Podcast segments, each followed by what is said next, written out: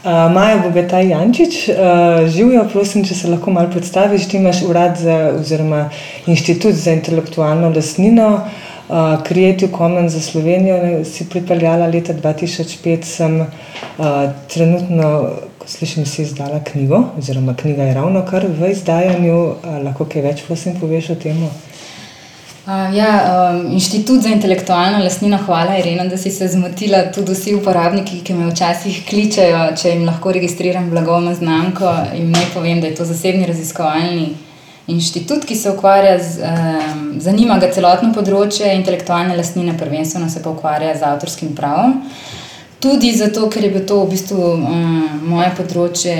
Um, šol, doktorata in ta knjiga, ki jo, menja, ki jo menjaš, v bistvu izdaja moje doktorske naloge. Naslov ima avtorsko pravo v digitalni dobi. Podnaslov je pravno varstvo tehnoloških ukrepov oziroma za varstvo avtorskih del. To je zelo aktualna tema Digital Rights Management, tujka.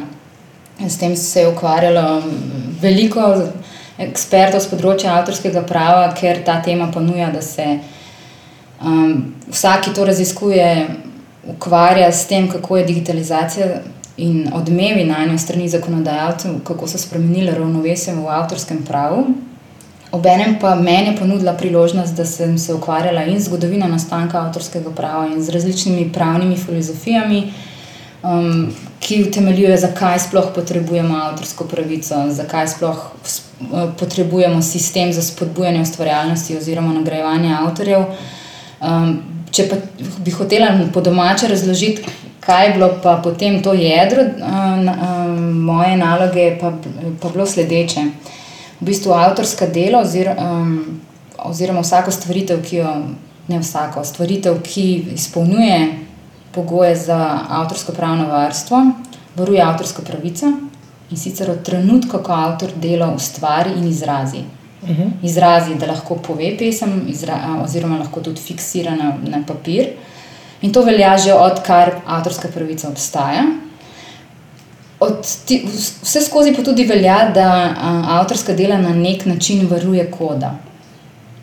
Koda v nedigitalnem svetu se razloži recimo tako, da lepo slikanico otroško ne fotokopiraš, zaradi razloga, ker je kopija tako slabša od originala. Na, na tak način, recimo, koda v nedigitalnem svetu varuje avtorsko delo. To je v bistvu pa bolj mentalna koda v nedigitalnem svetu. Tako, slabša kopija. Tako, ja, ja. V digitalnem svetu pa lahko. Z kodo, z računalniško kodo, avtorsko delo, ki ima digitalno obliko, zaklenemo. Uh -huh. In ta koda dodatno varuje um, avtorsko delo v tem smislu, kako avtor želi. Recimo, da mora nekdo, če želi dostopiti do dela, odkupiti avtorsko pravico, plačati, da dobi dovoljenje za dostop oziroma licenco. Ker pa je ta koda zlomljiva, ker jo pa lahko uh, spretni računalničari, ne sicer uh, couch potato, to besedo to uporabljam, tisti, ki pač vozimo računalnik v prvi predstavi, od, odklenejo. Je, so pa uspela, uh, predvsem industrija zabave ali pa softverska industrija, doseči novost v avtorskem pravu, da se tudi ta koda zavaruje. Uh -huh, uh -huh. In sicer kdorkoli bi to kodo zlomil, skrekal, ima imetnik pravice tudi podlago za tožbo. Pravi, je prekrško. Kaj to pomeni? Ta novost pomeni, da po novem avtorska dela v digitalni obliki dobijo trojno varstvo. Se pravi, z avtorsko pravico kot tako, z tehnološko kodo in s pravnim varstvom te tehnološke kode. Kdor pozna transakcije z avtorskimi deli v digitalnem okolju, pa ve, da zraven avtorskega dela mnogo krat vidimo tudi, dobimo tudi elektronsko pogodbo, katero moramo preklikati, po domače rečeno, da lahko sploh dostopimo do, do avtorskega dela. Redko kdaj beremo, kaj, kaj podpišemo s tem, ko kliknemo, ampak največkrat v takih elektronskih pogodbah uh, se uporabniki odpovedujemo določenim pravicam in bom kar namerno uporabljala to ime, čeprav avtorsko-pravna teorija govori o interesih uporabnikov, ki se vidijo v omejitvah avtorske pravice in se lahko ume, uh, odpovemo mnogim omejitvam avtorske pravice, ki sicer so v avtorskih pravnih zakonih, ravno zato, da je, da je obstaja ravnoteže v avtorskem pravu. In zdaj smo pa prišli že do teme, ki me najbolj zanima kot raziskovalka o avtorskem pravu in sicer um, ravnovesje med avtorsko pravico na eni strani in omejitvami te avtorske pravice na drugi.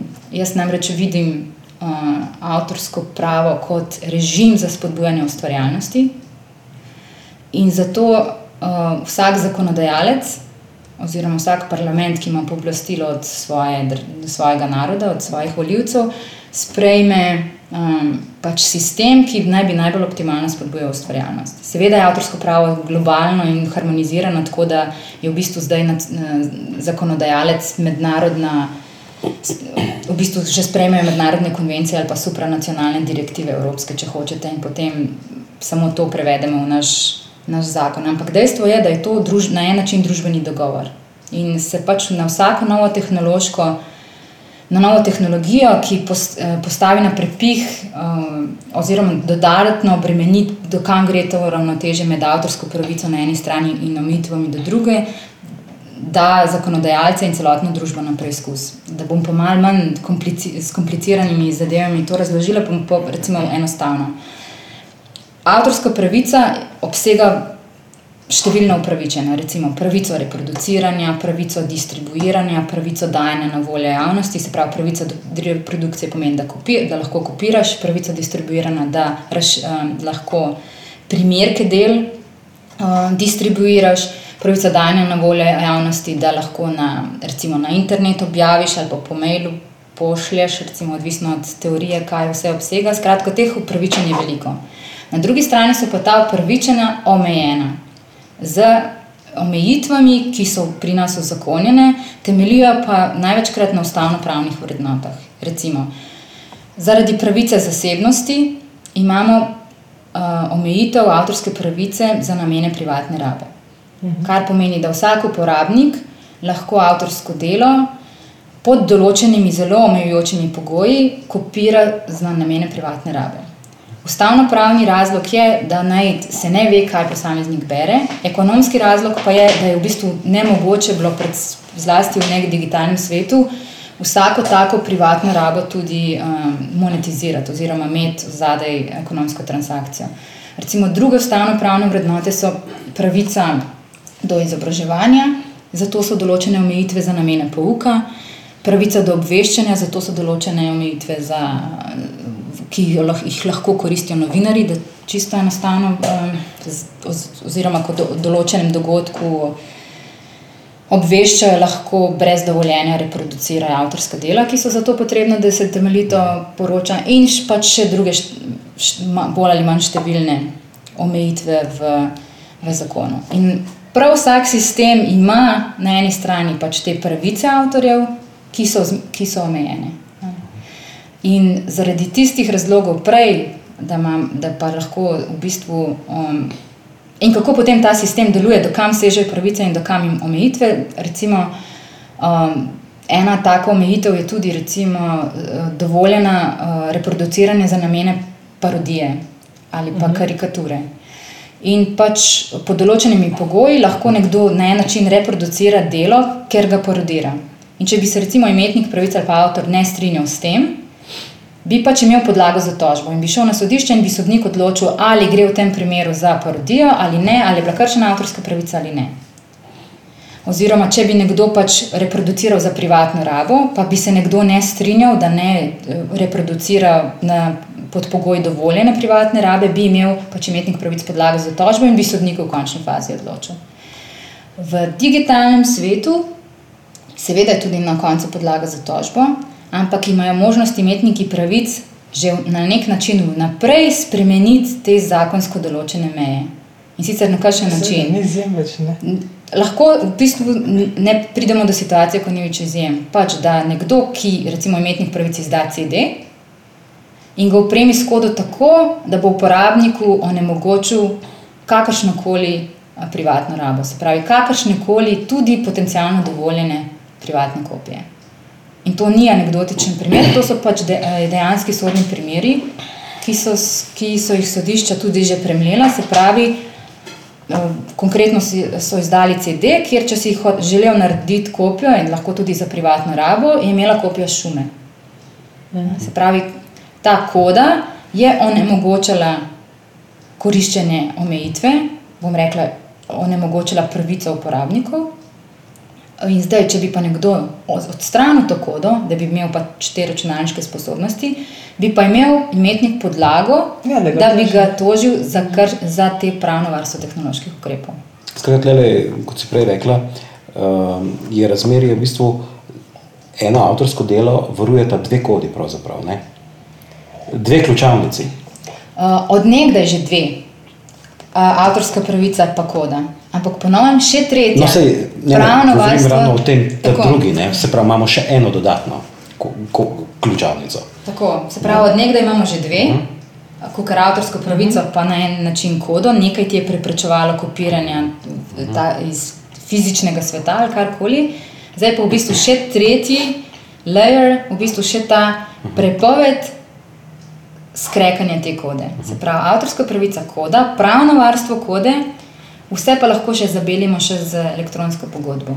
Pa v bistvu ta koda je tudi eh, prvič avtorsko zaščitena, poleg tega pa še tudi pravni. Uh, Pravno ni, ne, če, če jaz to razumem. Um, A je zgolj, je tole samo industrijska ključavnica, recimo, ali je to v bistvu tudi eh, avtorska pravica na tej kodi? Verjetno je. ne? Zdaj ste še dodatno zabelili vprašanje, um, ne bi se spuščala to Ja. tako daleč. Dejansko so računalniški programi tudi varovani kot literarno delo in uh, zato avtorsko pravno varovani. Zdaj vprašanje, ali kaj pomeni razbitje kode, ali to pomeni uporabo kode oziroma nedovoljeno uporabo. Um, se ne bi spuščala. Ja, ja, ne, V te globoko. detajle, v te detajle, ja. No, Ne, samo ampak meni je predvsem tudi to zanimivo, da gre izključno v bistvu, seveda za finančni, oziroma uh, velika industrija si bo privoščila kodo, to kodo. Ne? Zdaj, v prav klasično umetniško rabo mislim, da bo kasneje prišlo, če bo družba res sprejela ta konsens, da bomo pa zdaj kode dajali. Ne, ne, ne. gor, Mislim, da gre v tem primeru čisto za eno preprosto stvar. Ena koda se bo uveljavila, en copy protection schema ne, se bo uveljavila in v bistvu eh, ti jo boš, eh, če boš eh, izdal en CD, recimo govorimo, ja. ali pa en DVD z nekim video projektom, ti boš samo pri tem ponudniku kupil to kodo. Pa je vse, če boš uh, oseben lastnik tega. Tako ali so pa- si predstavljali, Ja, ja, ja, da bo funkcioniral sistem, veliki, velika industrija, um, industrija zabave, softverska industrija, filmska industrija. Uh, Nažalost, na srečo to ne funkcionira tako. Ker digital rights management, to je ja. pač digitalno upravljanje avtorskih pravic, ne funkcionira.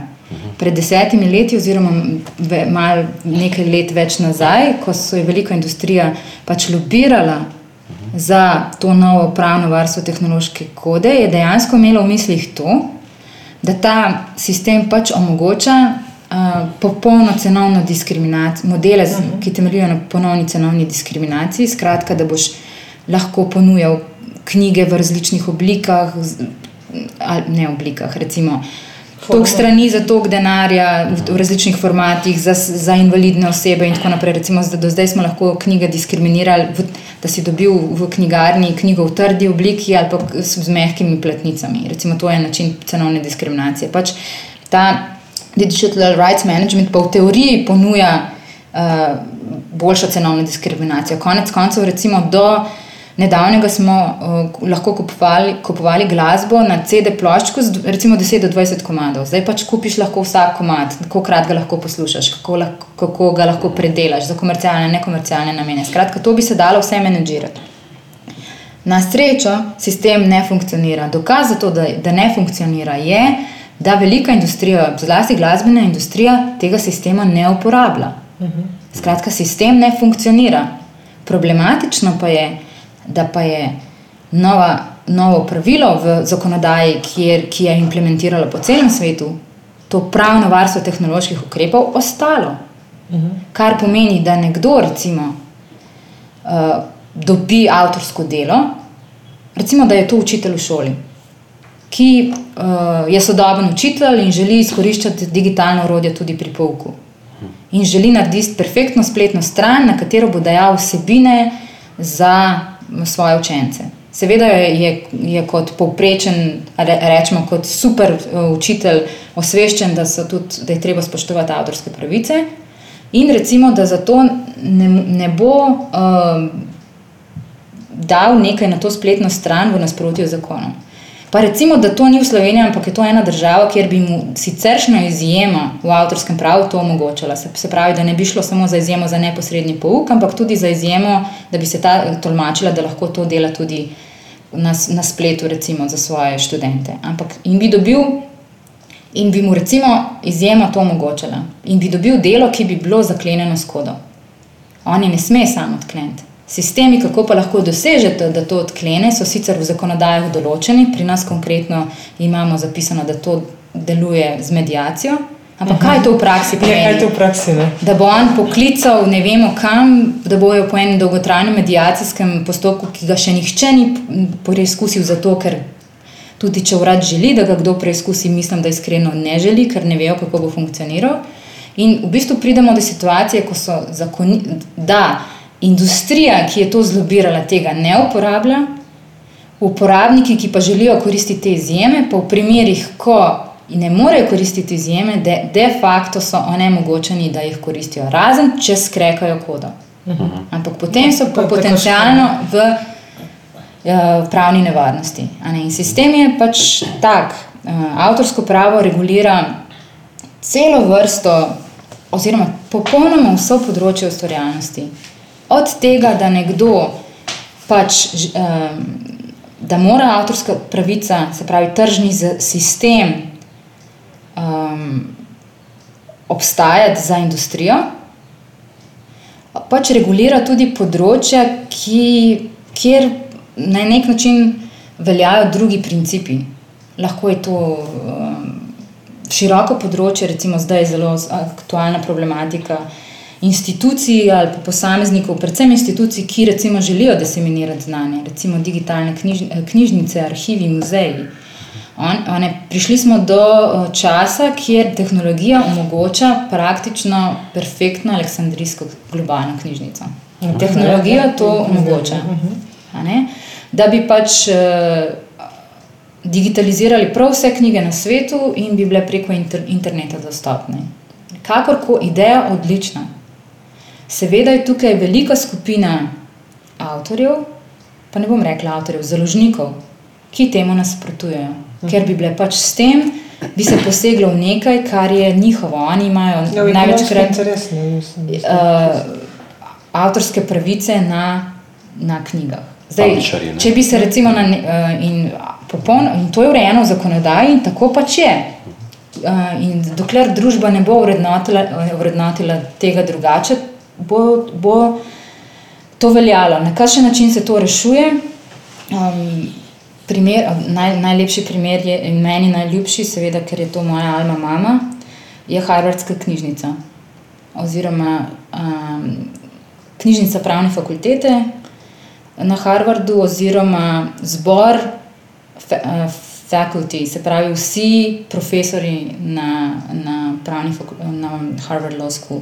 Oni so od letos sprejeli, da vse, kar bojo objavili v času, ko so oni profesori, se pravi, vsi imajo tenures, dokler uh -huh. pač ne spremenijo fakultete po svoji želji, um, da bojo podelili licenco svoji šoli, ki bo pa potem uh, prosto licenco v smislu, da bo lahko to vse prosto dostopno online. Zdaj, glede na to, da je en, en profesor, ki predava na Harvard Law School, referenca, taka, da jo vsak založnik želi tudi objaviti, uh -huh. bodo založniki prilagodili svoje poslovne modele in bodo želeli tako delo še zmeraj objavljati. Uh -huh. In bo to en lep precedens. Uh -huh. Bivši eh, izvršni direktor Be- Berkman Centra za Internet in Society, to je desetletni inštitut, um, praznoval je pred kratkim deseto um, obletnico, ki je, de, ki, del, ki je inštitut svetovnega formata, ki se ukvarja s temi vprašanji in je postal um, inštitut univerze, ne samo še pravne šole.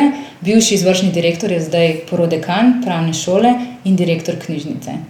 Ker se institucija, kot je Harvard Law School, zaveda, kako pomembno je rešiti vprašanje diseminacije znanja, oziroma pripraviti modele, kjer se bojo lahko v bistvu avtorska dela, v tem primeru gre predvsem za publikacije, pač ponudila na en um, družbeno sprejemljiv način um, čim širši množici. a ne.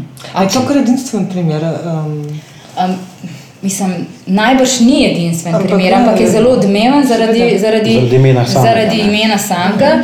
Uh, je, je bilo pa že takrat, ko je Google ž, um, začel digitalizirati knjige, pač zaradi tega svojega poslovnega modela, katerega ne bomo šli v globine, ker bo o tem povedal sodišče, spremljiv ali ne. So, uh, ampak Google v tem primeru, ko so prosili, da naj odprejo vrata, Svoje knjižnice so pač to naredili, kar nekatere univerze pač niso, ampak dejansko eh, dovoljujejo, seveda, samo digitalizirati knjige, eh, ki, eh, v zvezi s katerimi avtorske pravice niso problematične. Se pravi, da so avtori. Uh, uh, niso več med živimi več kot 70 let. Ampak uh, kaj se naučimo iz tega primera? Um, avtorska pravica se prilagodi vsaki novi tehnologiji. Pač avtorsko, avtorsko pravo in tehnologije so že odnegdaj v vojni, če hočete. Uh -huh. Vsaka tehnologija, ki pride, se potem avtorsko pravo prilagodi. Tako kot se v bistvu pravo prilagodi tudi na vseh drugih področjih. Pač Pač za nekaj let situaciji, ne. kasneje. Ja. Recimo, ko se je rodil gramofon, se je avtorska pravica prilagodila. Ko je prišel radio, ko je prišel film, Kino, ja. recimo fotografski aparat. Predstavljajte si, recimo, kaj, kakšno revolucijo je to pomenilo. Mi se tega ne zavedamo več, da recimo ljudje, ki, ki v življenju niso videli tigra, eksotičnih držav. Uh, So kar naenkrat videli slike iz vseh teh koncev sveta, in to, to je bila na en način velika revolucija, če hočete. Ne? In se od začetka ni vedelo, ali so fotografije lahko prosto krožijo med nami ali jih regulira njihovo kroženje tudi avtorska, avtorska pravica. In na en način se potem avtorsko pravo odzove, ker pač ustvarjalec, nekdo, ki ustvarja iz svojega genija, ki je obdarjen z genijem, da potem izraža to v obliki avtorskih del, si absolutno zasluži nagrado za to svoje delo. Um, je pa ta pač na kakšen način, a v obliki. Um, Pač zdaj smo se že odločili, da to v obliki avtorske pravice, ker lahko bi bili tudi drugi sistemi za spodbujanje ustvarjalnosti, dokam pa gre avtorska pravica in dokam je omejena. To je pa pač v vsakem času drugače. Ko, se, ko je bil prvo avtorsko-pravni zakon, ki je v bistvu bil zakon, ki je reguliral trgovino med, eh, na trgu, na založniškem trgu, je avtorska, oziroma bolj je varoval ene modele um, oziroma grafične oblike na teksturah. Ampak uh -huh. pustimo to. Je, avtorska pravica je takrat veljala 14 let z možnostjo podaljšanja. Danes velja avtorska pravica 70 let po smrti avtorja. Če primerjamo, to je bilo Brez 1709. a mogoče veš, ja, kaj je 1709? Se je to Recimo, od, začelo, ja? uh, takrat je bila najbrž komercialna doba enega izdelka, glede na to, da se je vse počasneje premikalo, najprej celo daljša kot danes. Uh -huh. Čemu potem moramo mi spodbujati danes avtorsko pravico še 70 let po njegovi smrti? Mislim, da 70 let je tako meni se zdi tako malo fiktivno, zakaj pa 70? Ja, zato, ker pač vse, eh, vse se je to zgodovinsko podaljševalo. Generacija, ne, da se z, generacija čisto obrne. To morate povprašati imetnike avtorskih pravic, ne avtorje, ki, ki vsakokrat lobirajo za novo podaljšanje. Trenutno je v loncu v Evropski uniji podaljšanje pravic za sorodne pravice. To ne bojo šli najbrž konkretno izvajalci ali pa konkretno avtori eh, zahtevati podaljšanje, ampak bojo to šli imetniki pravic, založniki. Založniki, Založniki, ja. Se zanimivo. ne. Ampak to pač uh, govor o tem, na kakšen način spodbujamo ustvarjalnost. Oziroma, dajmo s- če te prvo omenim, meni so zelo zanimive pravno-filozofske teorije, pogled, kaj sploh je avtorska pravica. Ne? In imamo teorij toliko, kot jih imamo feministična, okoljevarstvena, naravno-pravna. Ampak dve glavni, uh, ki sta, je na eni strani ekonomska teorija, ki prevladuje predvsem v ZDA oziroma v common law sistemu, če hočete, in na drugi strani ta kontinentalna, kjer prevlada v kontinentalni Evropi in v vseh tistih državah, kamor je kontinentalna Evropa uspela preseliti svoj sistem, se pravi tudi Latinska Amerika, je pa ta naravna pravna eh, teorija, eh, um, ki ima svoje korenine tudi v teh osebnostnih teorijah Kanta in Hegla, ki v bistvu govori o tem, da pa zato, ker a, avtor zelo poenostavljen ustvari svojega lastnega genija, je potem pravično, da se ga nagradi. Zato se pravi teorija nagrade. Medtem ko ta ekonomska teorija je pa, da je avtorska pravica sistem za spodbujanje ustvarjalnosti. In potem pravno-filozofsko, kadar se soočamo s tem, kako prilagoditi avtorsko-pravni sistem na določene spremembe na tehnologiji, pač vse v teoriji bi se te, te, te dve. Dva pogleda lahko različno odzvala. Pač ekonomska teorija bi pretehtala, da kam naj gre, da kam ne grejo omejitve. Medtem ko se je tako v teoriji, bi se lahko štelo, da naravno pravna teorija bi pač izgrabila vsako priložnost, kjer se lahko avtor še bolj nagradi. Seveda je v vsakem eh, primeru avtorska pravica omejena z ustavno-pravnimi vrednotami. Kako dejansko funkcionira, moj lastni pogled je, da velike, kadarkoli se lobira za nove avtorske pravice, ali to v Ženevi, kjer je Svetovna organizacija za intelektualno lastnino, ali to v Bruslu, ko, ko Evropska komisija sprejema novo direktivo, ali pa na kapitolu v ZDA, ko ZDA spremenja svoj, svojo zakonodajo, ali pa celo po novem, ko se največje industrijske države odločijo, da bodo spremenile ravnovesje v, v, v avtorskem pravu, tako da bodo podpisali trgovski sporazum, kjer bodo zaostrile avtorsko prav, pravico čez meje, ki so spremljive v teh drugih auditorijih, uh, v bistvu uspešno združijo vse argumente. -huh. ekonomske in, in ta vokabular, da pač avtor zasluži nagrado za svoje delo, in tako naprej. Rezultat je, recimo, uh, da digitalna tehnologija je avtorsko pravo postavila na veliko preizkušnjo, um, pa nesla tudi veliko priložnosti v končnem. V končnem um, smislu, recimo, veliko ustvarjalcev, ki ustvarjajo, so dobili odlično orodje za ustvarjanje, predvsem pa za razširjanje svojih in hitrejši pretok, seveda, del. Ne? Za hitrejši pretok, v končni fazi, recimo, slavni Napster primer. Je poleg tega, da je pač v vsakodnevni vokabular vnesel piratstvo in masovno kršenje avtorskih pravic, odkril tudi to, da recimo glasbeno industrijo svetovno vlada pet velikih družb. -huh. In kdo se le malo poglobi, kako sistemi uh, v glasbeni industriji funkcionirajo, mislim, da niso najbolj prijazni do avtorja, predvsem so prijazni do velikih producentov ja. in imetnikov pravic. In je tudi iz tega vidika marsikaj prinesel. Pred časom v poletu je bil fenomenalni intervju z Boštjanom Menartom, našim slovenskim največjim glasbenim založnikom. Um, Mene je navdušil zato, ker je zelo uh, netipično producentsko ocenil situacijo. Um, najljubši, sta, najljubši, če parafraziram, je bilo, da pač glasbeni industriji recimo, se ne da oprostiti, da se, ko se je pojavil internet, uh, ni na njega prilagodila, da se ni zganila, najverjetneje v strahu, ker pač niso vedeli, na kakšen način naj ponujajo svoje dela na, tem, na tej mašini za perfektno kopiranje. In še potem, ko so se začeli odzivati, so se odzvali na način, da bi omejevali dostop s tem, prej, kar smo prej razlagali, digital rights management, kar očitno ni pravi način.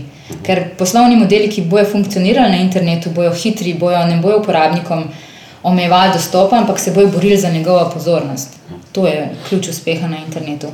In pač reče, da se to pač ne more oprostiti. Absolutno se pa tudi ne gre zameriti, če zahteva nekaj, kar je njeno mislim, da je v tem kontekstu govoril o avtorskih pravicah, ki jih ima glasbena industrija na svojih delih.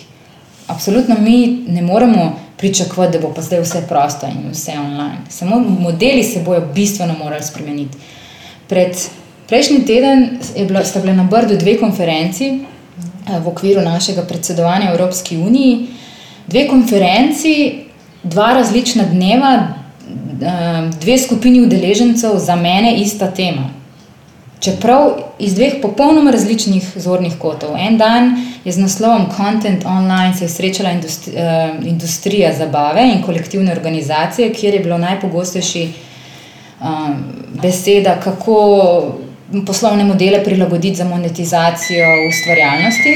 Naslednji dan pa, se, pa je bila tema pod pokrovitelj, pa so se srečali predvsem in je bilo govora pač, kako prilagoditi poslovne modele kako ne uničiti starih poslovnih modelov in pač prilagoditi tem razmeram, ki jih digitalizacija, internet in globalna komunikacijska mreža prinašajo, ki pač ponujajo masovno piratizacijo, nalaganje glasbenih datotek z interneta in tako podobno. In je pač logično, ko poslušaš probleme in uh, se spustiš v njihovo vlogo, kako želijo pri, uh, prilagoditi poslovne sisteme, v bistvu postane kristalno jasno, zakaj so zahtevajo, oziroma jasno je že najbolj prej, spremembe, ki so jih zahtevali pred desetimi leti že in jih ves čas, da se poveča avtorsko pravno varstvo, da se prilagodi avtorsko prav, pravica tudi tem oblikam, da je nova pravica dajanja na voljo javnosti, da imamo pravno varstvo tehnoloških ukrepov, da se poveča, podaljša avtorsko pravico in tako naprej. Vendar ne. In ugotoviš, da imajo sami s sabo toliko problemov, da jim, v bistvu, čeprav jim gre za meriti na en način, lahko razumeš, da jim, da jim s tem, ko oni eh, zahtevajo spremembe, ki naj bi omilili njihove težave, in popolnoma ignorirajo, da s temi spremembami vplivajo tudi na eno ogromno drugo veliko področje, ki jih tudi regulira avtorsko pravo, recimo področje knjižnic, arhivov, izobraževalnih ustanov, skratka, zlasti tistih, ki potem razširjajo znanje. Ja, ker, tako, ja, ker avtorsko pravo, no, jaz zmeraj govorim o pravici, uh, ne bi spodbujalo ustvarjanje. Končni namen tega je pa razširjanje znanja. Pač, Družba vzpostavi ta sistem, da bi posamezniki ustvarjali in bi v končni fazi družba nekaj imela, imela od tega, bi napredovala, bi bilo več mhm. ne, inform, informacij, na koncu le govorimo o znanju. Ne. In pač v bistvu vse te nove zakonodajne spremembe, ki so bile sprejete, ki se sprejemajo, pač regulirajo tudi dejavnost teh institucij oziroma življenje vseh nas posameznikov. Mhm. In, uh, kdo je pravi uporabnik, mislim, kdo je najpogostejši ali pa najbolj sofisticiran uporabnik interneta danes. Gotovo ne jaz, ki sem stara, ne bom povedala, koliko. uh, ker sem stara 35, ampak so to 12-letniki. Uh mhm. -huh. Oni so najbolj sofisticirani uporabniki in oni v bistvu uporabljajo internet, predvsem povsem drugače, kot kar. Uh, si uh, predstavlja velika industrija, zlasti pa predvsem, kako si velika industrija želi. Zamišljam. Ja. Ker norma, da, da je pač uh, copy-paste kultura, če želite, oziroma to, da se nekaj pač na, na spletu, ki je avtorsko delo in ki je, prost, ki je dostopno.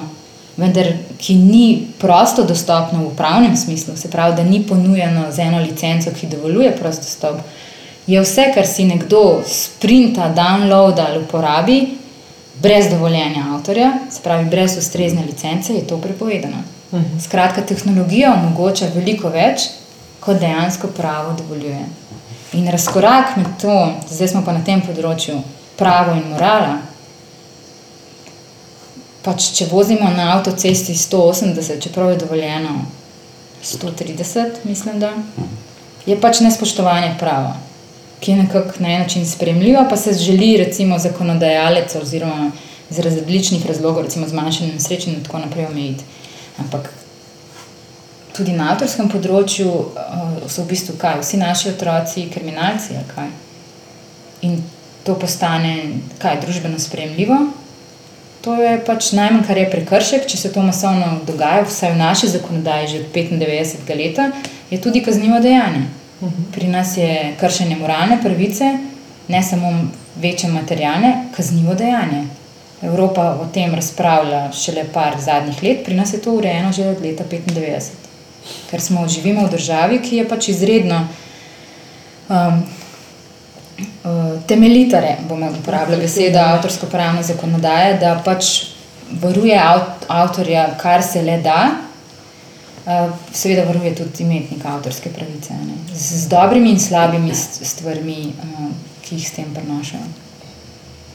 Maja, žal smo mi časovno omejeni. Uh, jaz mislim, da bi se mi lahko predvsej dolg časa še na to temo pogovarjali, ker se mi zdi izvrstno, uh, kakšno temo si sploh načela in uh, kakšno vsebino uporabljaš, mislim, kakšno vsebino predstavljaš v knjigi. Da bi se ti zdaj enkrat na te točke zahvalila.